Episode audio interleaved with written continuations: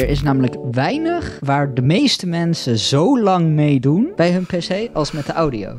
Kijk meteen naar mijn vergilde Cambridge Creative uh, 2000 setje. Ik weet niet eens hoe oud het is.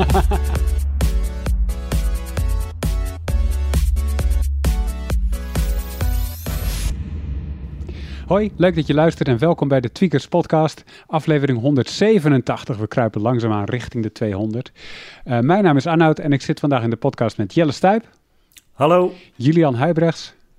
Hoi hoi. En Thomas Horstenbach. Hallo. En uh, ja, we hadden een grote week deze week. Ik noemde het al eerder een beetje een beursweek en zo voelt het ook wel een beetje. Apple kondigde maandag zijn nieuwe AirPods en MacBook Pro's aan. Google kwam met zijn Pixel-telefoons en zijn nieuwe Tensor Sok. En uh, ja, ze hebben dus beide eigenlijk nieuwe socks uitgebracht. Dus voldoende om het over te hebben. Uh, maar we beginnen zoals elke week met de highlights. En uh, Julian, we hebben jou een paar weken moeten missen. Dus eh, jij mag als eerste. The floor is yours. Ja, mijn, mijn highlight was natuurlijk de vakantie van de afgelopen drie weken. Daar heb ik flink van genoten.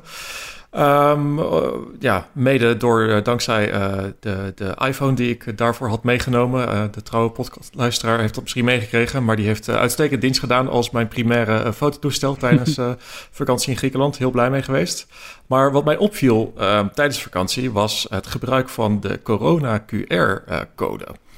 Uh, vooraf uh, kregen we nog een mailtje van de luchtvaartmaatschappij dat we die toch echt wel moesten printen. Want uh, misschien waren niet alle luchthavens of plekken ertoe uitgerust om die te, te, kunnen scannen. En toen dacht ik van, pff, wat, wat, is dat nou joh, 2021, moet ik weer een printer ergens vandaan ja, halen? heb je een printer? Nee, zeker. Uh, nee, ik heb geen printer, maar nou ja, uiteindelijk toch uh, uh, die code geprint. En uiteindelijk moet ik zeggen, het is zoveel makkelijker om gewoon een papiertje te hebben met die code. De meeste mensen die op vakantie gaan, dan moet je waarschijnlijk moet je één keer moet je, moet je die code laten zien. Dus prima dat je het op je telefoon doet. maar ik was aan het eiland hoppen, dus steeds met de boot van het ene naar het andere eiland. En elke keer als je zo'n ticket kocht, dan moest je iets laten zien. En dan was het dus over, nou ja, moest je, je je formulier laten zien, die, die, die code laten zien. Wat me daar ook bij opviel is dat uh, het is volgens mij van de zeven keer is die één keer daadwerkelijk gescand. Meestal was het als je een papiertje in je handen hebt, is het goed. Toen we aankwamen op het vliegveld überhaupt, uh, moest je dus zo'n passenger locator formulier moest je van tevoren ingevuld hebben, heel streng allemaal. Iedereen die een papiertje in zijn hand had, kon gewoon doorlopen. Dus nou ja, uiteindelijk, het, het, het, ik heb een beetje het idee dat dat ontzettend overgeëngineerd is en allemaal heel veel gedoe is, terwijl er eigenlijk heel weinig gebruik van wordt gemaakt. Maar, maar uh, Jul, die, um, wat, wat, wat is het verschil tussen papier en, en je telefoon? Want uh, nou, er staat toch hetzelfde, dezelfde QR-code op, alleen dan... Ja, precies, dat is zeker waar. Ik denk alleen wel als je zeg maar 200 mensen in een rij hebt staan ergens... en als die dan allemaal een telefoon uit een zak moeten gaan halen... en die, die app moeten openen en dat bij de helft van de mensen lukt dat niet. Dus volgens mij gaat dat gewoon in de doorvoer mis. En dat is ook de reden waarom ze die dingen niet scannen. Want als je een ferry hebt, die is een half uur te laat... die komt aan, die wil binnen vijf minuten weer weg...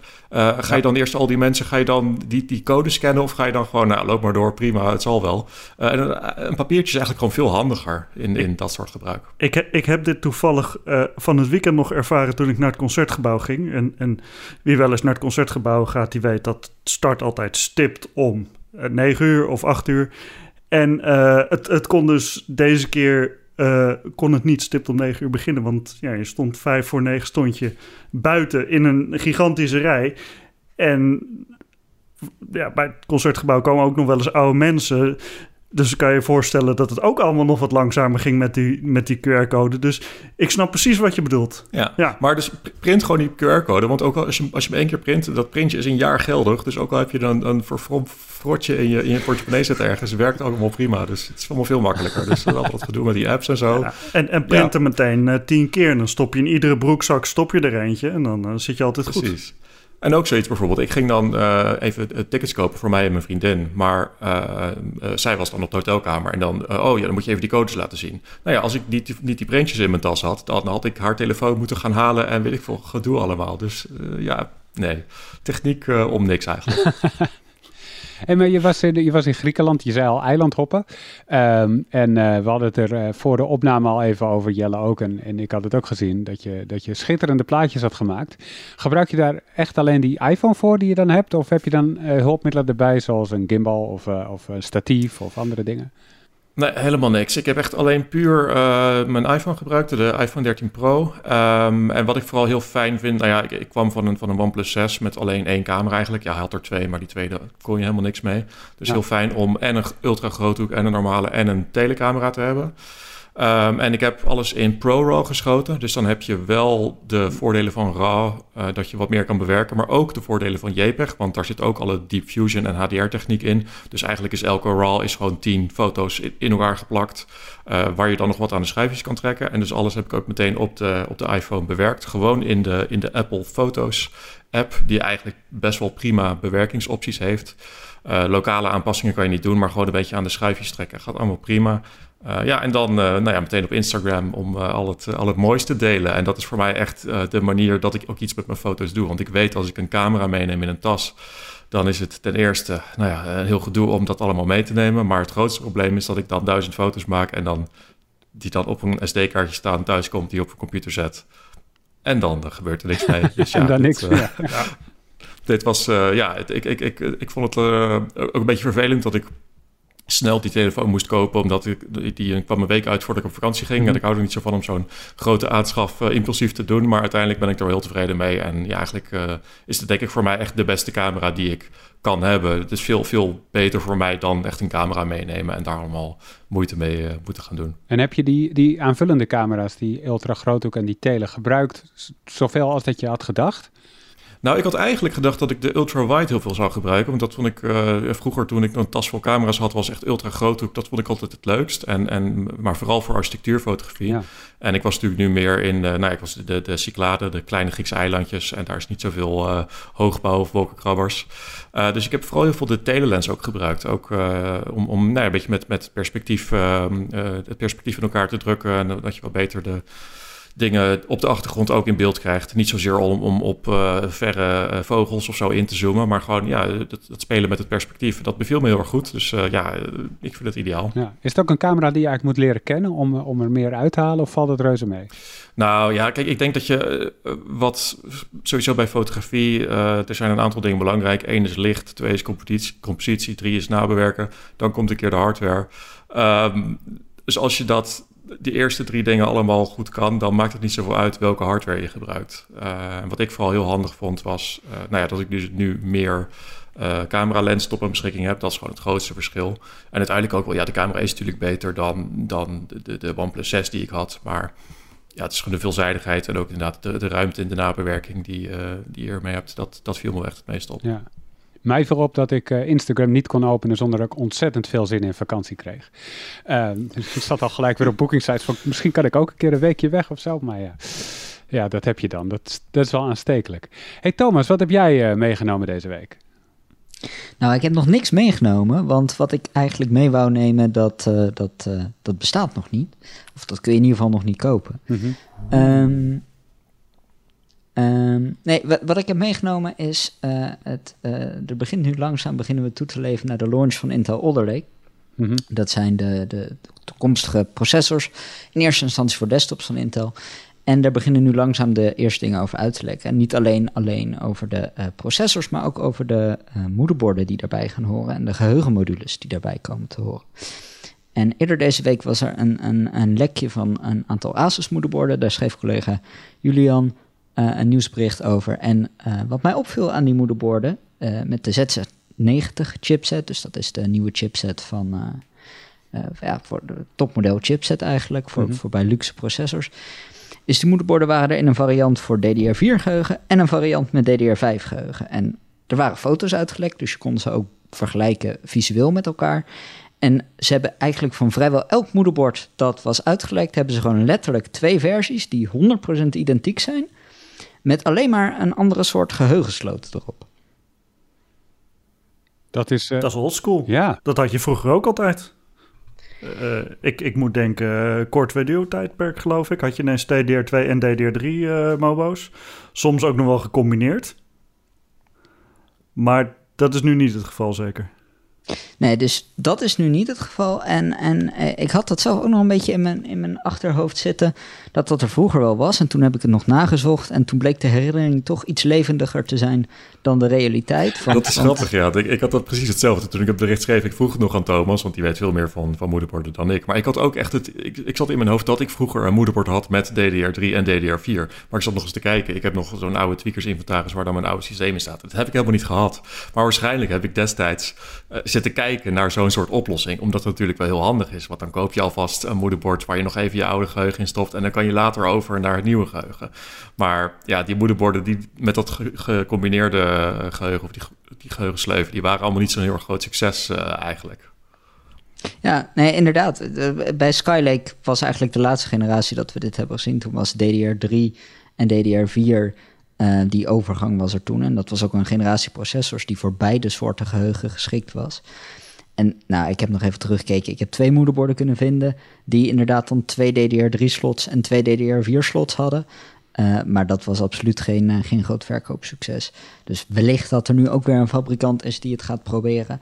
Maar waarschijnlijk is de keuze tussen DDR4 en DDR5 er toch wel eentje die je bij aanschaf moet gaan doen. Um, en daar heb ik laatst ook een, een, eh, een, een, een, ja, een soort analyseartikeltje op de site over gezet. Um, dat de keuze voor DDR5 waarschijnlijk helemaal niet zo voor de hand gaat liggen. En bij Skylake, de laatste launch, en dat was misschien ook wel de reden dat die combi-moederborden niet zo succesvol waren. Toen lag eigenlijk de keuze voor de nieuwe standaard, dus voor DDR4, al heel erg voor de hand. Mm -hmm. uh, het was eigenlijk net zo goedkoop als DDR3 toen al, en wel een stukje sneller. Dus nou ja, waarom zou je het dan niet doen? En nu lijkt bij DDR5 lijkt toch echt wel de meerprijs van dat nieuwe geheugen echt heel significant te worden. En daar kan DDR5 voor een deel zelf niks aan doen. Want voor een deel komt het doordat DDR4 gewoon heel erg snel goedkoper aan het worden is. We hebben uh, de geheugenprijzen die gaan altijd een beetje met pieken en dalen. En we hebben dit voorjaar een piek gehad en nu gaan we weer hard richting een dal toe. En uh, de, aan de andere kant uh, zien we dat, dat DDR5 gewoon van zichzelf heel duur is door de nieuwe techniek. Er zitten meer componenten op dan bij DDR4-modules. En dan ga je dus zomaar zien dat je, nou, een 32 gig DDR4-kit, die koop je tegenwoordig voor 120, 130 euro als je een beetje goed shopt. En dat een DDR5-kit wel dubbel zo duur kan gaan worden wow. voor dezelfde capaciteit. Ja, en de kans is natuurlijk groot dat je zo'n DDR4-kit al hebt. Precies, uh, dus dan kun je die gewoon uh, hergebruiken. En uh, als dat, zelfs, zelfs als dat niet zo is en je wil gewoon alles nieuw kopen, dan nog moet het prestatieverschil denk ik wel heel groot gaan zijn ja. voordat het de moeite waard wordt. Ja, maar aan de andere kant voelt het natuurlijk wel als, als een beetje achter de feiten aanlopen. Als je nu dan een heel nieuw systeem gaat optuigen en dan daar DDR4 in stopt, want dan kun je natuurlijk ook niet later upgraden naar DDR5. Dus ik vind dat wel met Alder misschien ook een beetje beetje een tussengeneratie. Dat lijkt me niet zo heel aantrekkelijk om, om daar heel veel in te investeren. Ja, ja ik, denk, ik denk dat dat inderdaad best, uh, best uh, spannend gaat worden om te, om te zien hoe zich dat ontwikkelt. Want ja, wat ik zei, bij Skylake lag het eigenlijk heel erg voor de hand. En daardoor gaat iedereen er ook een beetje vanuit dat het inderdaad heel erg voor de hand gaat liggen om voor DDR5 te zijn. En nou, wat, wat Julian zegt, kan me best voorstellen dat als je dan toch gaat investeren in een nieuw systeem, dat je dan die, die keuze wel gaat maken. Aan de andere kant, als je hetzelfde moederbord voor dezelfde prijs kunt krijgen met DDR4-slots... en daar kun je gewoon de kit in stoppen die je al hebt... en die misschien ook hartstikke... Uh, kijk, als je uh, vrij recent nog een, bijvoorbeeld een 32 gig kit DDR4 hebt gekocht... en je krijgt dan... Uh, je levert 5% prestaties in ten opzichte van DDR5... Ja, ga je dan een, een hele nieuwe geheugenkit uh, kopen? Ik denk het eigenlijk niet. En misschien is dat ook wel de reden waarom eigenlijk van zo'n beetje ieder moederbord wat we tot nu toe al in de leaks hebben zien, uh, zien opduiken, dat daar toch ook een DDR4-versie van komt. Jij bent er wel blij mee, denk ik, want dan kun je DDR4 en DDR5 echt supergoed vergelijken als het op dezelfde moederborden zit, met als enig verschil dus uh, het geheugen. Ja, ik heb al wat verzoekjes de deur uitgedaan voor stuur alsjeblieft twee keer hetzelfde moederbord op en dan eentje met DDR4. Kijk, als, voor zo'n test zou zo'n combi-moederbord inderdaad wel echt ideaal zijn, maar die lijkt er dus uh, voorlopig in ieder geval nog niet te komen. Dus, uh, dus dan is uh, hetzelfde bord, maar dan eentje met DDR4 en eentje met DDR5. Dat is dan het, de volgende beste optie. Ja, inderdaad. En je zegt het zijn nog leaks. Wanneer, wanneer verschijnen ze, denk je? Uh, nou, inmiddels is wel duidelijk dat 4 november de launch date is voor Alder Lake, voor de moederborden, voor DDR5 geheugen, voor alles wat ermee te maken heeft. Dus alles in één keer over twee weken en dan, uh, dan weten we meer in elk geval. Het worden drukke twee weken in ons testlab. ja, dat denk ik ook. Hey Jelle, wat, Yo. wat heb jij eh, voor deze week eh, meegenomen? Ja, ik zat me deze week te ergeren. Ehm, nee, ik zat achter mijn bureau en ik zat om me heen te kijken. En ik, ik eh, zat te kijken naar, naar wat ik allemaal voor spullen hier heb staan. En hoe oud of nieuw dat is. En het is allemaal best wel nieuw. En ik, ik erger me eraan hoe snel je dingen eigenlijk moet vervangen.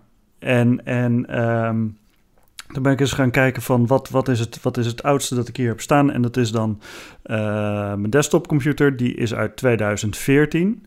Mhm. En die, daar, daar zit een, ehm, dat, er zit een eh 8-core Xeon eh, processor in. En 32 gig geheugen, dus kan nog prima mee. Ehm, maar die kan dus geen Windows 11 draaien. Of, eh, die kan het wel draaien, maar dat wordt dan niet officieel ondersteund door Microsoft en zo. En ehm, eigenlijk wil je uiteindelijk toch wel Windows 11 draaien, want ehm, het is een beetje... eh, het, het, lijkt er wel op dat je dan gewoon de, de, de, het, het veiligste OS draait en je bent gegarandeerd heb je de security updates. En toen dacht ik, ja, het, het, het is echt waanzinnig om een 8-core PC met 32 gig geheugen en een, eh, wat, wat zit er in, RX 5700 videokaart, om dat weg te gooien. Alleen maar om, om, omdat, er, omdat er Windows 11 aankomt. En ehm, nou, daar, daar, was ik, daar was ik boos over. Dat snap ik Dus, heel goed, eh, ja. Ja, en, en toen dacht ik van. eh, toen was ik wel benieuwd van wat, wat is nou jullie oudste hardware die je nog dagelijks of regelmatig gebruikt. Ik, ik zet mijn desktop eh, per se niet dagelijks aan, maar ehm, het- ik was daar benieuwd naar. Of hebben jullie gewoon alleen maar dingen uit 2021 liggen? Nou, Julian? Eh, nou ja, toen ik de, de, de vraag eh, eh, zag van, van Jelle in het voorbereidingsdocument, begon ik meteen heel hard te denken. Want ik ben eigenlijk altijd wel iemand die heel lang met spullen doet. Ik heb bijvoorbeeld ik heb tien jaar lang een plasma tv gehad. Nou ja, was helemaal geweldig. Maar goed, in 2019 eh, een nieuwe gekocht. En ja, of ik daar weer tien, tien jaar mee ga doen, dat gaan we zien. Ehm, en ik heb ook heel lang een desktop PC gehad. Ik, tot, eigenlijk tot vorig jaar had ik ook een, een, een 3770K. En nou ja, dat was ook eh, maar goed, vorig jaar toch wel weer geüpgrade. Dus ik denk dat nu mijn oudste product, wat ik nog eh, dagelijks gebruik, is eh, een iPad Pro uit 2017. En ik moet zeggen, die voelt gewoon als nieuw aan en supersnel en heeft altijd nog de nieuwste updates. Dus dat is helemaal prima. Alleen ja, niet echt heel oud. Maar over het algemeen, eh, ja, met, met PC's en zo doe je wel lang mee. En ik snap wel dat inderdaad met, met upgrade naar Windows 11 is dat lastig. Dat was met mijn oude PC ook lastig geweest. Alleen wat je zegt is natuurlijk wel een beetje tegenstrijdig. Want je wil het liefst wil je een zo veilig mogelijk systeem. Maar ja, die oude hardware, daar zit natuurlijk gewoon heel veel lekken in die niet meer te dichten zijn en die niet te beveiligen zijn. En dat is ook een beetje de, het probleem met Windows 11 misschien. Wat is het oudste wat jij hebt, Thomas? Ja, ik zat te denken daarover en ik denk, mijn PC, die heeft niet echt een, een, een, een datum waarvan ik kan zeggen van toen heb ik hem gekocht. Want ehm, ik heb laatst nog de videokaart geüpgrade en het geheugen is weer iets ouder, maar ik had eerst ook al een set geheugen en deze die er nu in zit, de- die is zeg maar een uitbreiding daarop, die heb ik niet vervangen. Dus dat heeft zelfs, zelfs één component heeft eigenlijk meerdere aankoopdata. Dus dat vond ik een beetje lastig te peilen. Wat ik wel heb, is ik heb een jokerkaart bedacht voor deze vraag. En dat Oeh. is PC audio. En eh, er is namelijk weinig waar, ik, waar de meeste mensen zo lang meedoen bij hun PC als met de audio.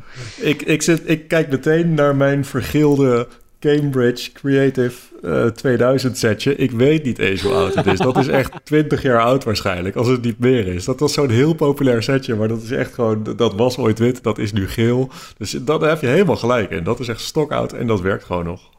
Ja, en ik denk dat ook een, een voorbeeld wat heel veel mensen zullen herkennen is de Logitech Z5500. Dat is natuurlijk een super lange en heel populaire surround set geweest. Eh, nu is het wel een beetje, een beetje de vraag, doen we onszelf er echt een voordeel mee dat wij zo lang met onze PC audio doen? Want de Z5500 die wordt niet meer gemaakt.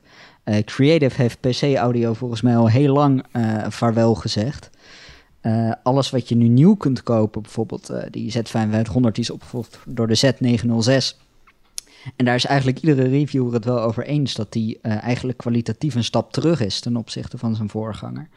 Die markt die draait dus alleen maar op, op kosten besparen, omdat, omdat ja, mensen kopen zo'n ding, gebruiken het 15, 20 jaar. Nou, daar kun je dus als fabrikant niks op verdienen. Uh, en daardoor is eigenlijk die hele markt voor PC-audio die is gemarginaliseerd of, of bijna verdwenen zelfs. Uh, dus ja, dat is dan ook wel weer een beetje de andere kant van, van uh, PC-hardware en randapparatuur waar je heel lang mee kunt doen. Is de incentive voor fabrikanten om dan uh, te innoveren en, en die producten te verbeteren, ja, die verdwijnt ook bijna. Ja, maar dan is het toch ook de vraag van, hebben we dat dan allemaal wel echt nodig?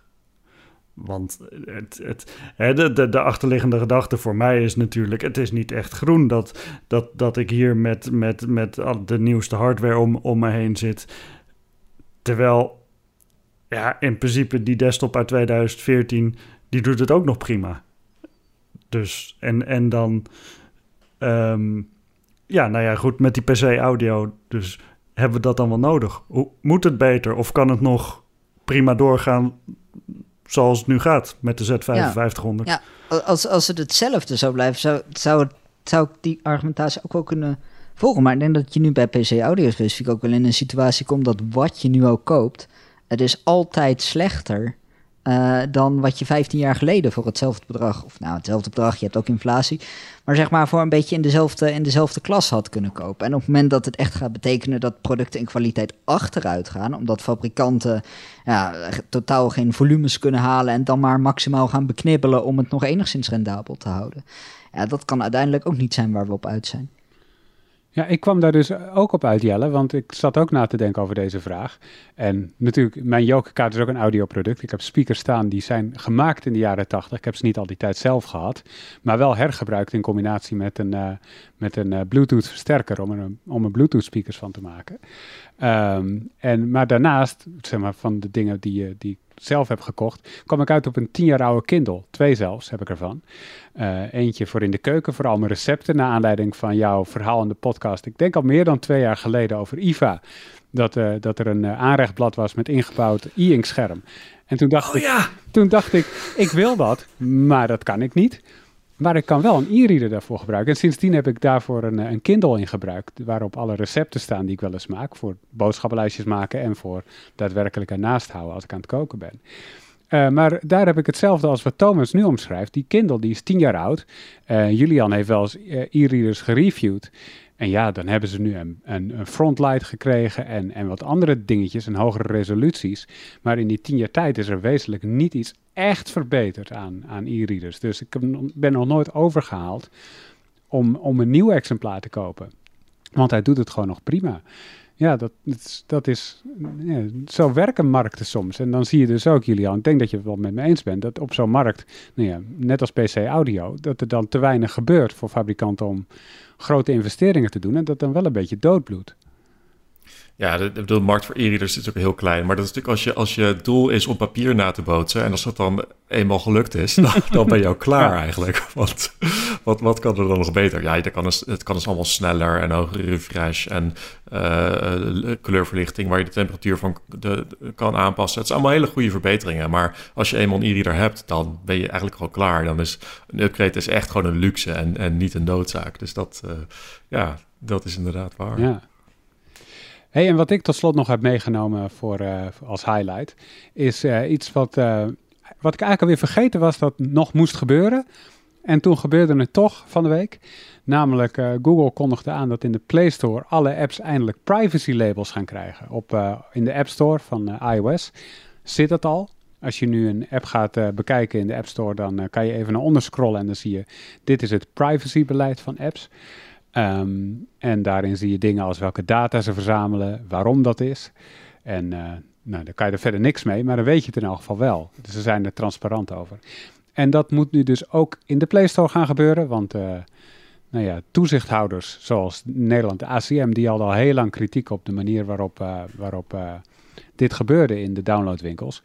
Waarom? Omdat het simpelweg niet transparant was voor mensen welke data op de achtergrond verzameld werd en met welk doel. En dat moet natuurlijk wel, vanwege de AVG die uh, nu alweer meer dan drie jaar geleden inging.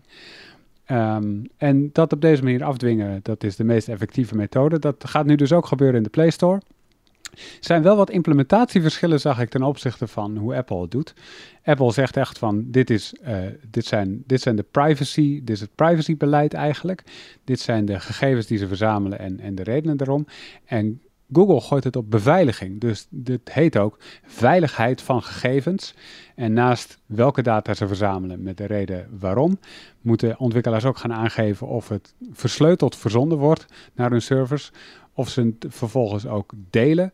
Uh, nou ja, dat is nog vrij logisch, maar dus delen met derden. En of ze uh, gebruik maken van um, uh, het, Play Families beleid. Dus of ze kinderen extra beschermen bij app-installaties en de data die ze verzamelen. Ik vind dit wel een. Ehm, ik, ik, wist dat dit moest. Ik vind de implementatie vind ik op zich wel aardig. Het enige wat ik nog zou willen zien is dat je wat meer controle hebt over hoe apps data verzamelen. Dus niet als ze locatie opvragen, dat is allemaal vrij logisch. Daar hebben we al pop-ups voor. Maar uh, ik wil wel graag weten wanneer ze dan precies welke data van mij verzamelen en waarom. Maar kennelijk vereist dat heel veel pop-ups en dat willen ze dan weer niet inbouwen.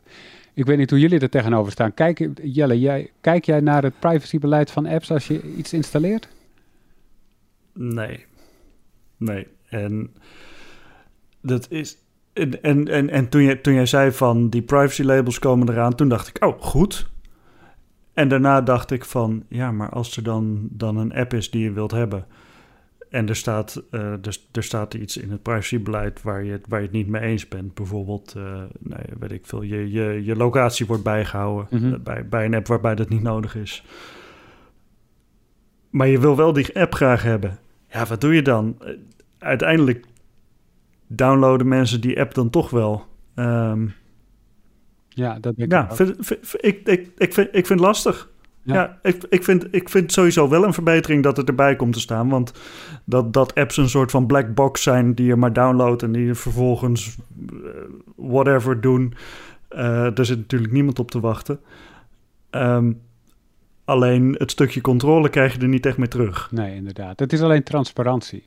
Maar ja, ja. het effect wat jij omschrijft, dat hebben we nog natuurlijk begin dit jaar gezien met Clubhouse die op iPhones, uh, op iOS ineens ontzettend populair werd in januari, februari. En heel veel mensen hebben die app geïnstalleerd, terwijl uh, achteraf bleek dat uh, het privacybeleid van die app de AVG op diverse manieren schond. hebben ze ook aangepast nadien. Maar toch, toen was die app al geïnstalleerd en een hoop adresboeken waren geüpload en zo. Ja, dat, dat zijn dan toch dingen waarvan je denkt van ja, kennelijk maken mensen dan die afweging. Aan de andere kant, dan maak je wel de afweging terwijl je weet dat het gebeurt. Dat is iets anders dan de black box waar je het over had natuurlijk. Ja. Ja, ik heb wel het idee dat dat tegenwoordig steeds beter is en ook duidelijker is uh, wat er gebeurt bijvoorbeeld met tracking. Uh, ik merk dat nou ja, nu op iOS dan, dat je dan af en toe krijg je gewoon een herinnering van, van Apple van hey, deze app vraagt nu alweer je locatie op. Wil je eigenlijk wel dat die toestemming aanstaat? Ik denk dat dat wel goed is. Kijk, uh, inderdaad, mensen die, zo, die zo'n app sowieso willen gebruiken, zullen dat irritant vinden en wegklikken. Maar als je een beetje bewust bent van je privacy, is dat soort, zijn dat soort pop-ups wel heel handig om gewoon te beseffen van hé, hey, oké, ik kan het misschien ook uitzetten of alleen aanzetten als ik die app gebruik. Ja. Dan vind ik het wel. En het, het frappante is zelfs dat, ik, dat je die melding krijgt bij de Beer-app, wat gewoon een native uh, iOS-applicatie is. Nou ja, dat, dat vind ik wel netjes. Dus wat dat betreft is volgens mij de situatie wel een stuk beter dan. Uh, dan dat, nou ja, jaren geleden was bijvoorbeeld. Is het ook. Kijk jij daarnaar, Thomas, zo'n privacy label? Nou, ik kan daar moeilijk naar kijken, want ik heb een Android-telefoon mhm. en daar zijn ze dus nog niet. Maar ik denk wel dat ik ernaar ga kijken. Uh, ik had een. Uh, gisteren nog had ik, een, had ik heel even snel een appje nodig. Ik, ik had, moest een QR-code scannen. En dat kan natuurlijk gewoon vanuit de camera-app. Um, met, met Google Lens, want dat zit daarin geïntegreerd. Uh, maar ik moest een QR-code scannen uit een afbeelding. Die, dus ik kon niet live hem scannen, maar ik moest een app hebben die hem vanuit een afbeelding kon scannen. Nou, dan ga je dus naar de Play Store en dan typ je QR-code scanner from file of zo. En dan, uh, en dan pak je gewoon een van de eerste die erbij stond. En op dit moment keek ik daar heel gauw van: oké, okay, eentje heeft uh, eh, 4,5 ster en een miljoen downloads. Die zal wel oké okay zijn. Klik, ik heb het gedaan. En toen had ik die QR-code gescand, heb ik die app weer van mijn telefoon afgegooid. ik denk, voor dat soort dingen uh, want al die QR-code scanner apps zijn natuurlijk veel te groot en kunnen veel te veel voor wat ze in feite moeten doen. als ik in datzelfde overzicht, waar ik misschien in één oogopslag al wel acht verschillende QR-code-scanner-apps had zien staan, als ik daarnaast downloads en reviews ook een stickertje bij had gezet van, nou, deze app doet het zo op privacy-aspect en deze app doet het zo op privacy-aspect. Misschien had ik dan wel een andere keuze gemaakt uit die, die paar apps uh, die daar stonden. Ja.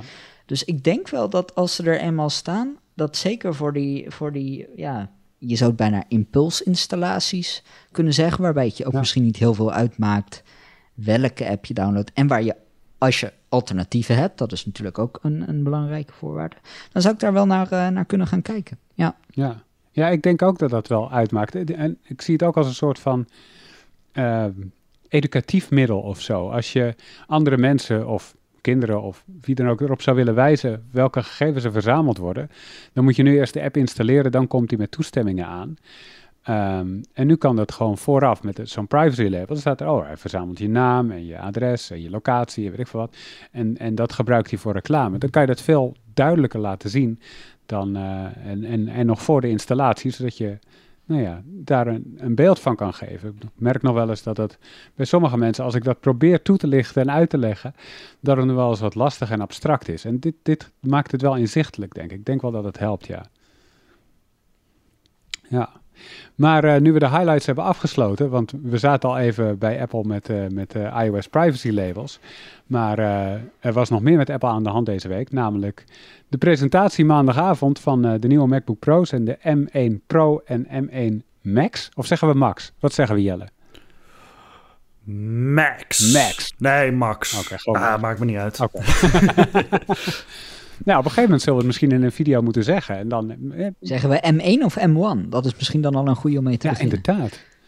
Nou, ik ga het gewoon omst de beurt zeggen. Max, Max, Max, Max. En M1 of M1?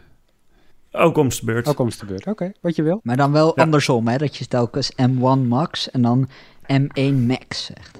En ik ga ook af en toe M1 zeggen voor de, voor de Franse luisteraars. Precies. Ja, je kan het in alle talen proberen natuurlijk. Hey, even wat, wat context, Jelle. Want die MacBook Pro's, het zijn eh, hele dure laptops. Voor mij beginnen ze bij 2000 euro, als ik het goed heb. 2200, zoiets. 22,50 geloof ik. 2250. Ja, zoiets. Waarom, Ja. waarom bestaan deze laptops? Waarvoor heeft Apple ze nodig? Voor wie zijn ze? Nou, dit, is, eh, dit, dit heeft Apple nodig om te beginnen, omdat ze dit nog niet hadden. Ze hadden de MacBook Pro's voor dus de Pro-gebruikers. Eh, maar die hadden nog Intel-processors. En zoals we eh, allemaal weten, is, is Apple zijn eigen processors gaan maken. Eh, M1-processors of M1's.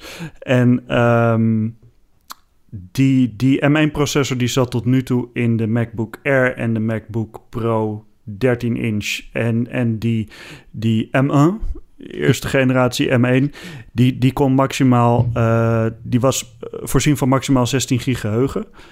En hij was, eh, of hij, hij, hij is, het, het, is best een, een vlotte chip.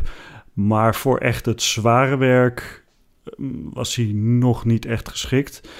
En, en dit is dus de, de, de M1-processor voor het zware werk. Dus hij heeft nu maximaal 10 cores. En eh, bij, bij de gewone M1 zijn het maximaal 8. En ehm, eh, de M1 Max, moet ik het even goed zeggen, die kan maximaal 64 gig geheugen. eh, of, of die kan voorzien worden van maximaal 64 gig geheugen. En, en dan, dan zie je ook wel van, dit is echt voor het, het professionele gebruik.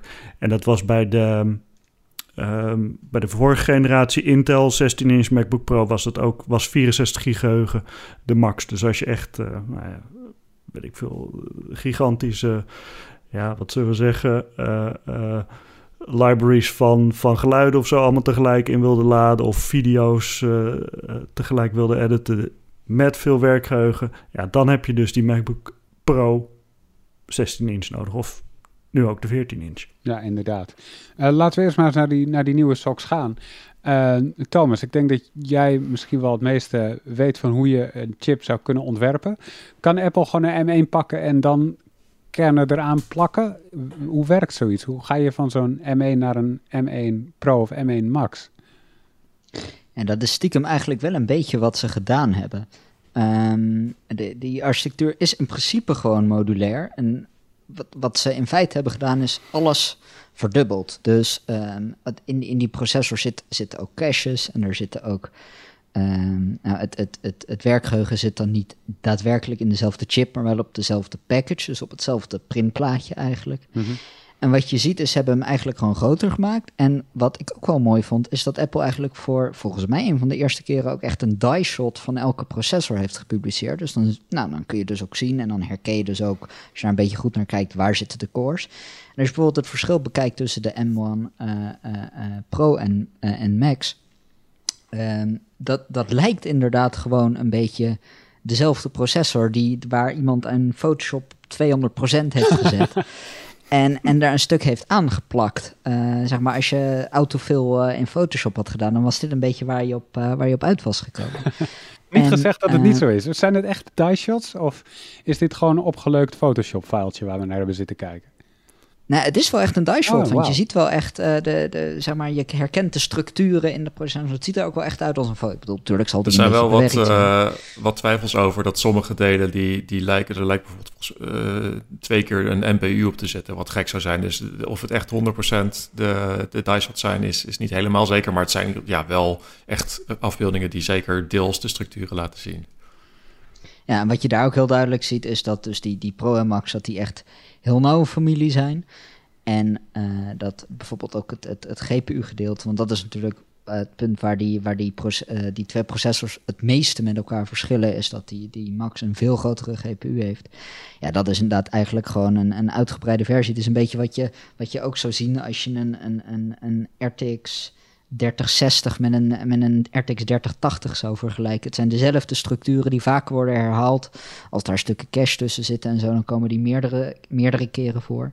Eh, maar ze zijn wel overduidelijk. Het zijn leden van dezelfde familie. Ja. Het is ook een beetje als de, de PlayStation 4 en de PlayStation 4 Pro. Die had op een gegeven moment, wordt volgens mij ook wel de, de Butterfly GPU genoemd, omdat ze op een gegeven moment gewoon het aantal GPU-cores eh, hadden verdubbeld. Dus de chip is vrijwel hetzelfde, alleen knalt er een veel grotere eh, GPU bij. En natuurlijk, ja, Apple heeft dan nu ook de CPU-cores eh, eh, er wat meer bij geplakt. Maar eigenlijk is het inderdaad in, eh, in de praktijk is alle architectuur is hetzelfde. Het is meer, meer van hetzelfde. Ja. Ja, en die processor, die, vooral de M1 Max, is ook echt mega groot. Ik heb het nog even zitten bekijken, maar die, die M1 Max is dus groter dan alle chips die zowel AMD als Nvidia op dit moment produceren. Oh, wauw. eh, bij TSMC en Samsung. Eh, dus, dus zeker de Max, dat is wel echt een, eh, een knap staaltje chipontwerp en ook productie om zo'n grote chip eh, succesvol geproduceerd te krijgen. Wat mij ook wel, wel opvalt daaraan is dat die, die M1 eh, Max is echt een enorm grote chip. En eh, dat is natuurlijk lastig als je die gaat produceren. Want als je één wafer maakt en als daar een aantal foutjes op zitten, dan gaan er heel veel chips verloren. Terwijl Intel en AMD zijn juist gegaan naar het maken van kleine chiplets die je dan later weer aan elkaar plakt. En daardoor heb je gewoon veel minder verlies als er bij, een, bij een klein productiefoutje. Dus is dat niet heel erg lastig voor Apple om dat dan goed te produceren? Ja, dat is lastig en ze zullen er ook echt genoeg moeten weggooien, precies om die reden. Eh, dus, dus qua kosten is dat niet ideaal. Nu zal Apple genoeg kunnen leiden op de gemiddelde laptop waar een M1 Max in zit. Past wel. Dus, dus ik denk dat dat, dat dat niet het grootste probleem is. Aan de andere kant, wat ze hiermee wel doen, is, is eh, flink besparen op het stroomverbruik en de efficiëntie van zo'n chip. Eh, nou, ze schermen er natuurlijk vaak genoeg mee dat dit veruit de efficiëntste processors zijn die op dit moment worden gemaakt. Veel efficiënter dan wat Intel en ook AMD op dit moment maken. En dat komt die, voor die onderlinge communicatie tussen die chiplets heb je fabrics nodig en, of, of substraten nodig. Of er zijn meerdere manieren om die chips te combineren gemene delers hebben allemaal stroom nodig. En ehm, dat betekent dus ook dat als je dan een processor hebt met vier of vijf eh, chip, verschillende chiplets, dan heb je ook gewoon een, een fabric, een, een interconnect, die misschien op zichzelf ook al wel 10 watt of 20 watt verbruikt. Nou, en dat ti- tikt toch wel echt aan. Zeker als je eh, chips voor mobiele apparaten met een accu aan het maken bent. Dus misschien is het qua productie niet de meest efficiënte methode om het allemaal in één hele grote eh, chip te stoppen. Maar ja, als je het kunt maken, dan levert het je wel een hele grote winst op eh, wat, wat efficiëntie betreft. Ja. En Jelle, nu we het toch over efficiëntie hebben. Apple die liet natuurlijk Mhm. weer allemaal mooie grafiekjes zien in zijn presentatie. Zo van, hij is zoveel sneller, hij is zoveel zuiniger en dat soort dingen.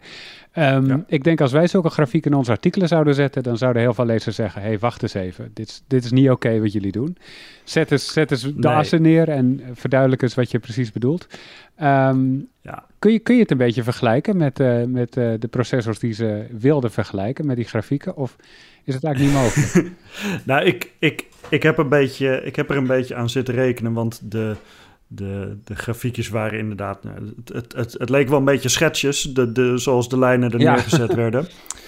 Um, maar ik heb, ze zeiden op een gegeven moment ook in een slide van die nieuwe CPU, CPU is 3,7 keer sneller dan een, een, MacBook Pro i7. Nou ja, en daar, daarvan kan je natuurlijk. Uh, er zijn heel veel scenario's waarin die sneller kan zijn. Maar ik denk van, nou, laten we gewoon even Cinebench erbij pakken. Um, hè, om, om een beetje een idee te krijgen van wat Apple dan bedoelt. En uh, die MacBook Pro i7 die komt dan uit op, op 16.000 punten in Cinebench 23 Multi. En als je dan 3,7 keer sneller zou zijn, dan kom je uit op uh, eh, 16.000 punten. En dat is ongeveer net zo snel als een uh, Core i9 11900K van, uh, van, van de desktop dus. Mm. En, en een 3900X, de 12-core AMD op de desktop... Um, of dat ook daadwerkelijk zo is, is natuurlijk heel erg de vraag. Want er, zijn, er zijn natuurlijk ontzettend veel scenario's waarin je 3,7 keer sneller kan zijn. Hè, voor hetzelfde geld is, is, is die nieuwe chip geoptimaliseerd voor iets de, waar die Intel-chip heel slecht in was. En dan kan je natuurlijk heel makkelijk 3,7 keer sneller in zijn. Um, maar goed, stel ze bedoelen Cinebench of, of een dergelijke renderbenchmark, dan, uh, dan, dan, dan zou die dus net zo snel zijn als, als zo'n desktop processor. Lijkt me wel sterk. Aan de andere kant, um, toen de eerste M1 processor uitkwam, toen dacht ik ook van, nou ja, ja Big Little ARM processortje. Hoe, snel, kan, het zijn? zijn?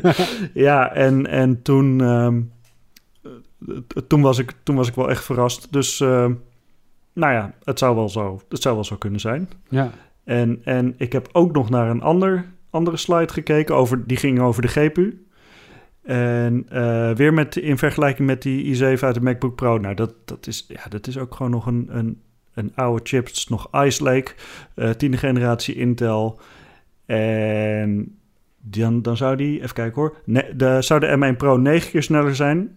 En als je dan naar 3D-mark scores kijkt, dan zou een M1 Pro ongeveer net zo snel zijn als een RTX 2060. Dat is wel grappig, want ik heb ook even zitten kijken naar de, de review van de, de MacBook Pro met de, met de oude M1. Uh, daar hebben we in Rise of the Tomb Raider uh, hebben die op gebenchmarkt. Uh, en daar doet hij iets van, nou ja, laten we zeggen 28 frames per seconde. Um, mm-hmm. En die heeft een 8-core GPU.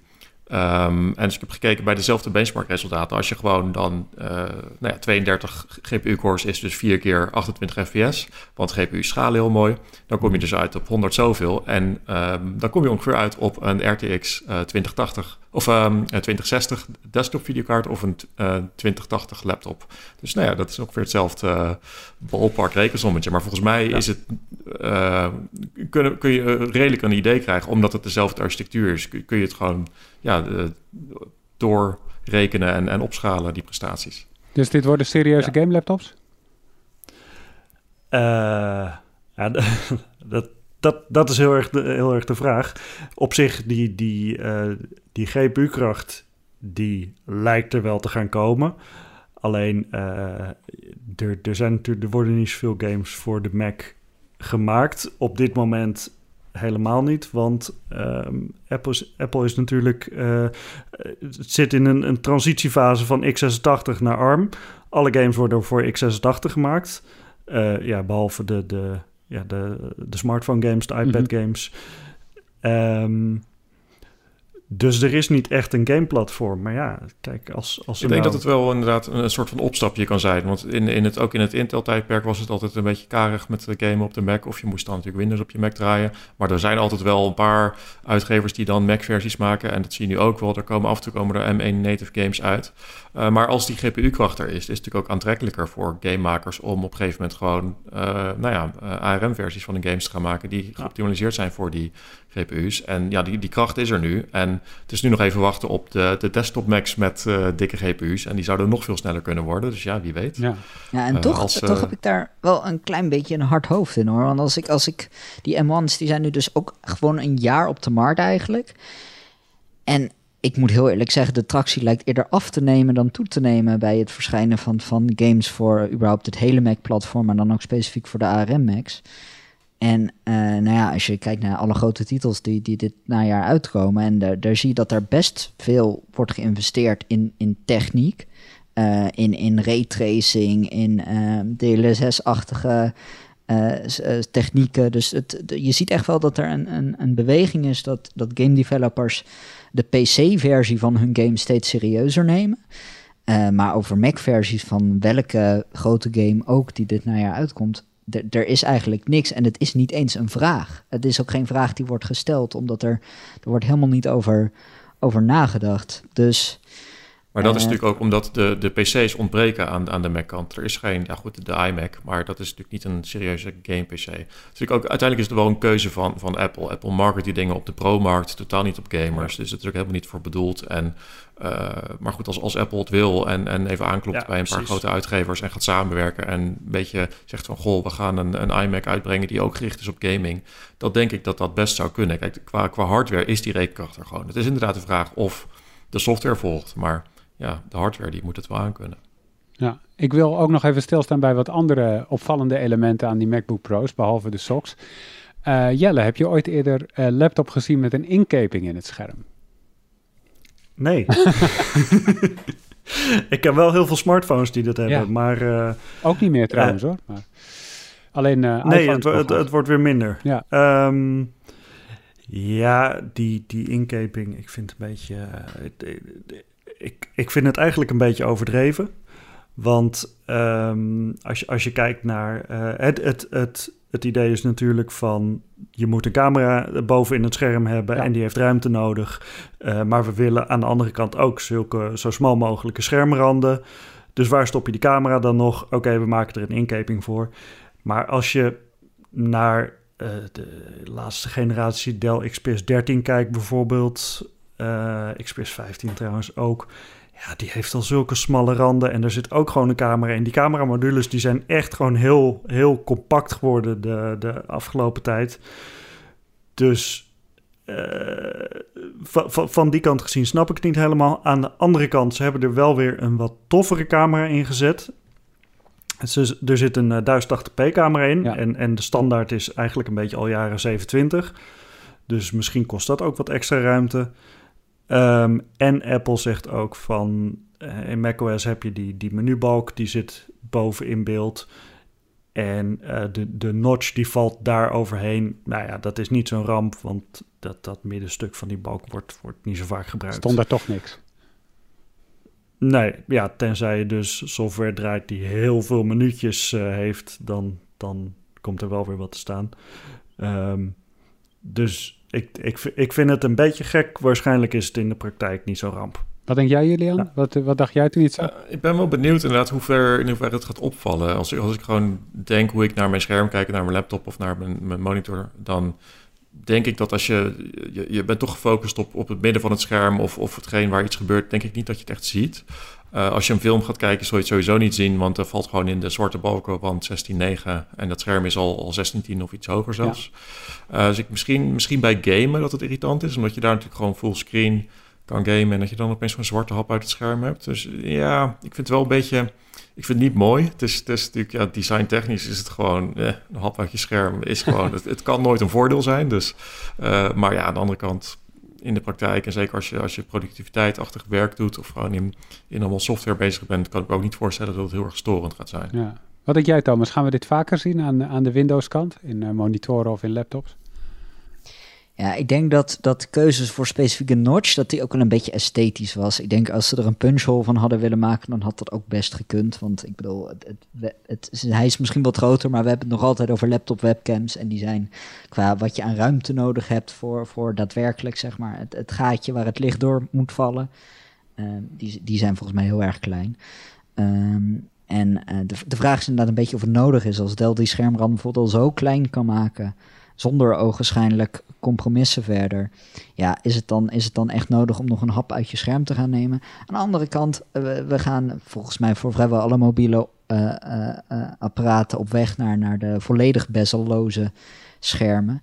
En ja, als die daar ook voor laptops ooit moeten komen, dan zal de webcam toch ergens nog in een gat of een inkeping of iets anders moeten komen. Dus ik, ik, ik sluit zeker niet uit dat, dat we ook in de Windows-wereld wel wat soortgelijke dingen gaan zien. Al denk ik dat specifiek de notch, eh, die blijft toch wel voorbehouden aan Apple, denk Ja, ik. misschien wel. En Jelle, het is niet het enige stukje scherm wat is verdwenen. Namelijk de hele touchbar is ook weg. Wat zijn je, wat zijn je gevoelens Ja. daarbij? Eindelijk. Oh. nee, ik. ehm, de, de, de, de touchbar is heel veel, heel veel kritiek op geweest van gebruikers. Eh, gebruikers die wilden liever gewoon eh, fysieke toetsen, omdat je die, die dan blind kan gebruiken. Ehm, blijkbaar werden die, ja, die, die, die touchbar die kon contextafhankelijk eh, natuurlijk eh, veranderen. Dat Ja. werd blijkbaar niet zoveel gebruikt door mensen. Ehm, en, en, en nu zijn ze weer, weer terug hierbij. Ik vind het eh, ja, eh, goed, goed dat er naar eh, kritiek wordt geluisterd. Dus eh, Ja, want, Ja. want als je kijkt naar, eh, naar de, nou laten, we zeggen, laten we het even iets breder nemen, afgelopen anderhalf jaar in Apple laptops, dan Mhm. alle veranderingen die ze in 2016 zo radicaal doorvoeren, dus alleen nog USB-C, Ja. butterfly toetsenbord en eh, geen, eh, geen poorten meer. Dat is dus allemaal teruggedraaid. Is dat, is dat iets wat je toejuicht of zeg je, Ja. nou, nu gaan we echt terug naar het verleden. Dit is zonde dat Apple die visie loslaat. Ehm, nou, ik, ik heb mijn. Ik, ik vind het. Ik vind de SD-kaartlezer vind ik heel belangrijk. Mhm.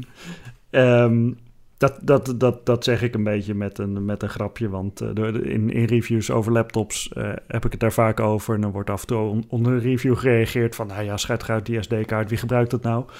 Ehm, maar het is natuurlijk wel een feit dat ze, dat ze van gewone aansluitingen naar USB-C gingen... en dat dat minder praktisch was. Want je had vaak een, een, een, een dongeltje nodig. En, en nu zijn ze... Ze, ze zijn niet helemaal teruggegaan, want er zit nog steeds drie USB-aansluitingen op. Ja. Dus als je, als, je, als je al je randapparatuur voor, voor Thunderbolt of voor USB-C hebt gekocht, dan kan je dat gewoon nog gebruiken. Maar als je dan ergens bent en je wil je, je laptop op een beamer of een televisie aansluiten, ja, dan zit er ook gewoon HDMI-aansluiting op. En ehm, ik, ik, ik vind dat een goede keuze. Ja, ja en, en aan de andere, je kan natuurlijk zeggen van zijn, zijn ze hun, zijn ze hun, hun de, de visie was natuurlijk zo dun mogelijk en dan, eh, dan, dan zit je dus met die, met die USB-poort en dan heb je een, ja, een super compacte laptop. Ja, ik denk dat je met deze nieuwe laptop ziet dat het, ja, het is nog steeds heel dun. Ja, Eigenlijk, eigenlijk kon het gewoon wel. ja. Hij is ietsjes Alleen- minder dun, maar het scheelt niet veel volgens mij. Nee. Ja, alleen esthetisch gezien eh, zijn er vast mensen die, die het er minder mooi uit vinden zien. Maar ehm, ja, ik, ik vind dat zeker bij zo'n zo'n pro-laptop... dat het toch wel echt gewoon om, om het praktische gebruik gaat. En dat als je, als je fotograaf bent of, of eh, videomaker... dat je gewoon bam meteen je SD-kaartje erin kan steken. Ja. Dat is wel echt een voordeel. Want denk je dat het ook echt exclusief een, een pro-ding is? Dat we als we de volgende normale MacBook of de volgende Air gaan zien... gaat die ook weer meer poorten hebben? Gaat die ook weer een kaartlezer hebben? Of is dit echt iets wat Apple doet voor de pro's? En is die visie stiekem voor, voor de normale laptops onveranderd? Nou, eh, daar, daar, zou je, daar zou je best wel gelijk in kunnen hebben. Eh, want ik, ik vond het wel grappig tijdens de. eh, tijdens de, de, hoe heet het, de presentatie, het event, zei, zei, zeiden ze bij Apple echt zo van... ja, voor de pro-gebruikers hebben we dan nu deze poorten. HDMI, SD-kaartlezer. En dat, dat, je, dat, dat, dat ze deden, dat doet Apple natuurlijk wel vaker. Dat ze, het, het- als, alsof ze de best thing sinds eh, gesneden brood hebben uitgevonden. Terwijl, ja, dit is iets dat ze al hadden. Ehm, maar de manier waarop ze dat zeiden, daaruit zou je wel kunnen afleiden van... oké, dit, dit, dit is... Het idee hierachter is dus wel blijkbaar pro. En, ehm, en de, de, de MacBook Air mensen, die, die moeten het gewoon nog met USB-C doen. Ja. Ja. ja, dat zou op zich logisch zijn. Ik wil ook nog even naar Google, eh, eh, Julian, want gisteravond, ik zeg dit op woensdag, dus dinsdagavond, hadden we de presentatie van de Pixel 6 met de Tensor Sock. Ehm, dat is wel een opvallend ding. Kun je, kun je doornemen hoe die precies in elkaar zit? Poeh, ja, dat is. Uh, nou ja, als, we, als we Google moeten geloven, kan die, de, de CPU kan, uh, kan uh, concurreren met de Snapdragon 888, mm -hmm. dus de snelste SOC voor Android. Uh, telefoons. En dat is ook wel weer een tijdje geleden dat dus Google een telefoon heeft uh, uitgebracht die kan concurreren met de snelste Samsungs en dergelijke. Uh, maar het, het grote verhaal is natuurlijk de, de eigen slimme stukjes die erin zitten. Dus de, de Tensor Processing Unit. En Google noemt het dan ook de Tensor SOC. Dus die hele SOC is eigenlijk gericht op machine learning en, en slimme trucjes. En wat wij, mij daar ook wel bij opviel is dat ehm, dus nou ja, de SOC en dus ook de hele telefoon heel veel gericht is op dingen die best wel specifiek zijn voor de Amerikaanse markt misschien. Uh, live translate en uh, tekst- en speech-herkenning om automatisch telefoontjes aan te nemen. En dit soort functies en features hebben we allemaal al jarenlang gehoord op Google I.O. en dergelijke. Uh, volgens mij niet zo heel veel nieuws onder de zon, maar viel me ook wel op dat is allemaal best wel specifiek. zijn dingen die echt voor de Amerikaanse markt uh, actief zijn, of, of de Engels sprekende markt, die niet of nauwelijks werken in Europa, volgens mij. Wat, hoe, hoe zie jij dat, Arno? Nou, het is wel, ze, ze, ze zetten zwaar in op spraakherkenning. En wat ze eerder hebben gedaan met dat soort dingen, is dat ze het eerst in het Engels maken, want daar zijn ze heel goed bekend mee. Hè, dat is ook makkelijk om, uh, om, om dat te ontwikkelen als je in Amerika woont, want daar spreekt iedereen Engels. En vervolgens komen er langzaamaan talen bij, maar in tegenstelling tot bijvoorbeeld Amazon, die Alexa nog steeds niet in het Nederlands heeft, heeft Google zijn assistant wel in het Nederlands. Dus de kans dat het op een gegeven moment ook wel naar meer talen komt, uh, die, die, die is er wel. Maar, en, en er zitten ook gewoon dingen in die ze nu kunnen doen, die uh, ook als je je telefoon op het Nederlands zet, gewoon gebruik van kan maken. Dus zoals de Magic Eraser in, uh, in, in, in, de, in foto's. Dat is een soort ding dat hij suggereert van hé, hey, er loopt er iemand op de achtergrond, misschien wil je die weg hebben. En dat is een soort van Photoshop autofill, uh, past hij erop toe. Hoe goed dat is, dat zullen we nog moeten zien natuurlijk. En, uh, en uh, op video kan hij nu meer doen. Dus hij kan zijn, zijn HDR-net toepassen op video's met 4K en 60 fps. Iets, iets dat volgens mij eerder, eerdere generaties niet konden. Uh, dat zou video's ernstig moeten verbeteren. En dat komt natuurlijk wel iedereen ten goede. Ik vond het ook wel opvallend dat ze. Want nu, het, het, het, het is. Ze hebben dus die, die, uh, die Tensor Processing Units. Die hebben ze natuurlijk zelf ontwikkeld. Die ISP hebben ze volgens mij ook zelf de hand in gehad. Uh, de rest komt natuurlijk gewoon van ARM vandaan. Hebben ze toch iets andere balans dan andere. Want je hebt uh, tegenwoordig bij de Qualcomm Snapdragon uh, 888 heb je dus drie soorten cores. Dus de X1, dat is echt high performance. Dan heb je nog de Cortex A78-achtige. Bij, die, bij Qualcomm heet dat dan iets anders en ze passen het iets aan. Dat is een soort van als het middelzwaar is. En dan heb je nog wat kernen voor de echt lichte taken, meer op de achtergrond. En uh, Google heeft die balans iets, iets aangepast. Dus ze hebben twee uh, echt high performance cores hebben ze erin gezet.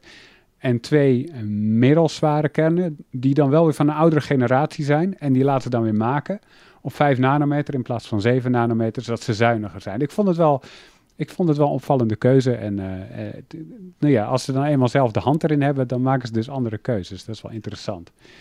Um, maar denk jij, Julian, dat ze dit echt niet hadden kunnen doen met een Qualcomm SOC of een MediaTek SOC of iets in die trant? Ja, goede vraag. Het is natuurlijk wel inderdaad, de, de componenten zijn vrijwel allemaal off the shelf. Als je kijkt naar de, de CPU en de GPU. Dus ik denk dat vooral de, de, de, Google saus zit in die andere chips. En dat was natuurlijk al deels zo. Ze hadden al, al eigen processing units voor de, voor de camera. En die camera, nou ja, die staat al bekend als een van de beste smartphone camera's. Terwijl de sensor die ze gebruikten in, in modellen tot nu toe was eigenlijk gewoon prut. Uh, dus nu met een veel grotere sensor en nog meer eigen, eigen uh, beeldverwerking, zou dat, ja, moet dat veelbelovend kunnen zijn. ik ben inderdaad wel benieuwd in hoeverre uh, ja, zou dat niet ook gewoon werken als je er een Snapdragon uh, 888 in stopt? Dat is moeilijk te zeggen. Maar ik denk dat het wel een goede zaak is dat er nu uh, ja, dat er weer wat onderscheid komt. Dat Google dat, dat op zijn eigen manier aanpakt en, en zelf zo'n chip gaat maken. En dan ook misschien wat beter op de ondersteuning in kan zetten.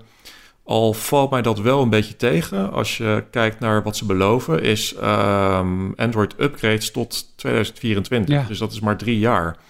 Um, en dan krijg je tot 2026 krijg je uh, beveiligingsupdates. Maar ja, drie jaar gegarandeerde upgrades, dat vind ik vrij mager eigenlijk. Want dat is wat, uh, wat Samsung tegenwoordig ook al doet. Uh, en als je kijkt nou ja, naar een Apple, dan is dat gerust een jaar of vijf, zes. dus ja, ik, ik had wel gehoopt dat dat met het maken van een eigen chip... dat dat probleem dan uit de weg zou zijn. Maar dat lijkt nog niet helemaal het geval. Wat denk jij, Jelle? Is dat, want jij had het in het begin van deze podcast over oudere tech die nog bruikbaar zou moeten zijn. Blijft de Pixel 6 bruikbaar met drie jaar upgrades en vijf jaar updates, denk je? Is dat genoeg? Uh, nou ja, goed. Het,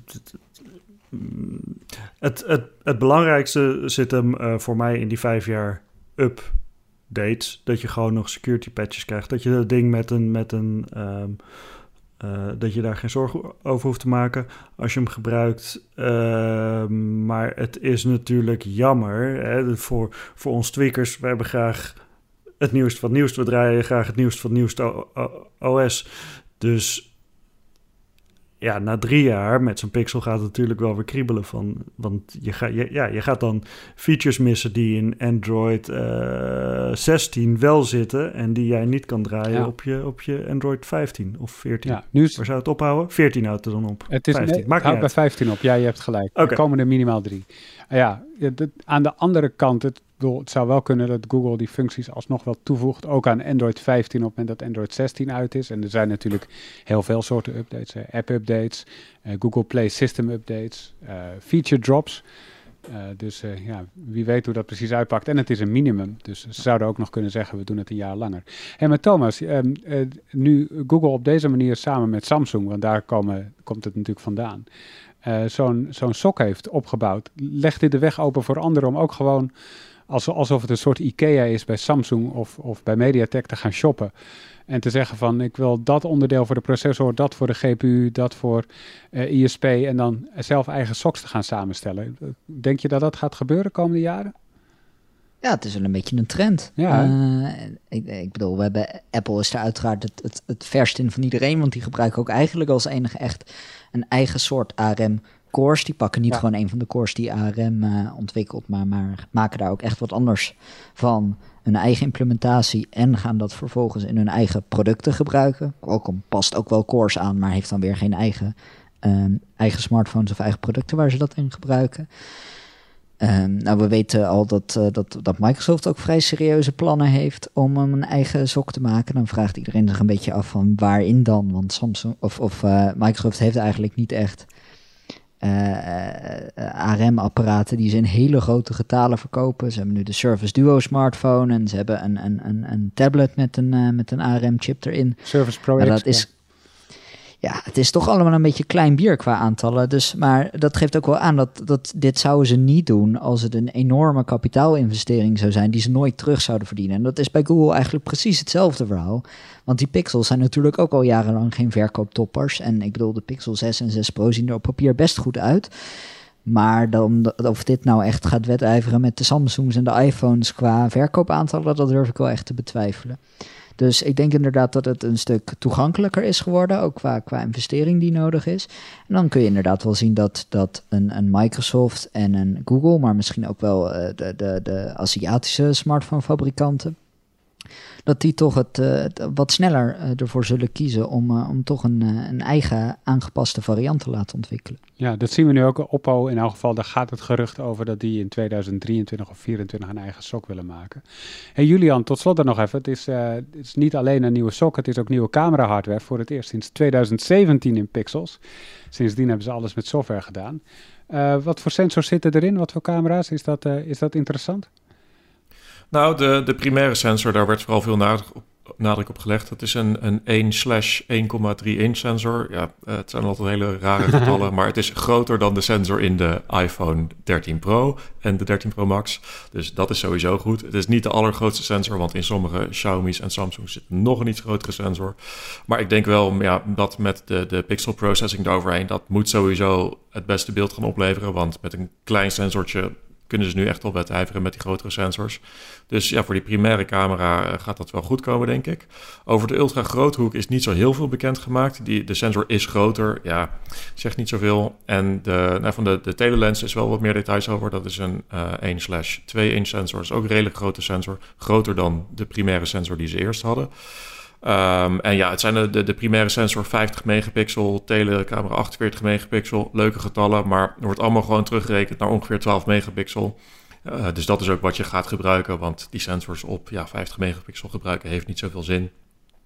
Uh, maar goed, door als je veel pixels hebt, kun je dat mooi terugrekenen naar bestanden met minder ruis, met meer dynamisch bereik, uh, meer details. Dus dat, ja, ik ben er wel heel benieuwd naar. Ik vond wel dat ze, ondanks dat ze een Pixel 6 Pro hebben, was er bijna geen nadruk op pro-features qua fotografie.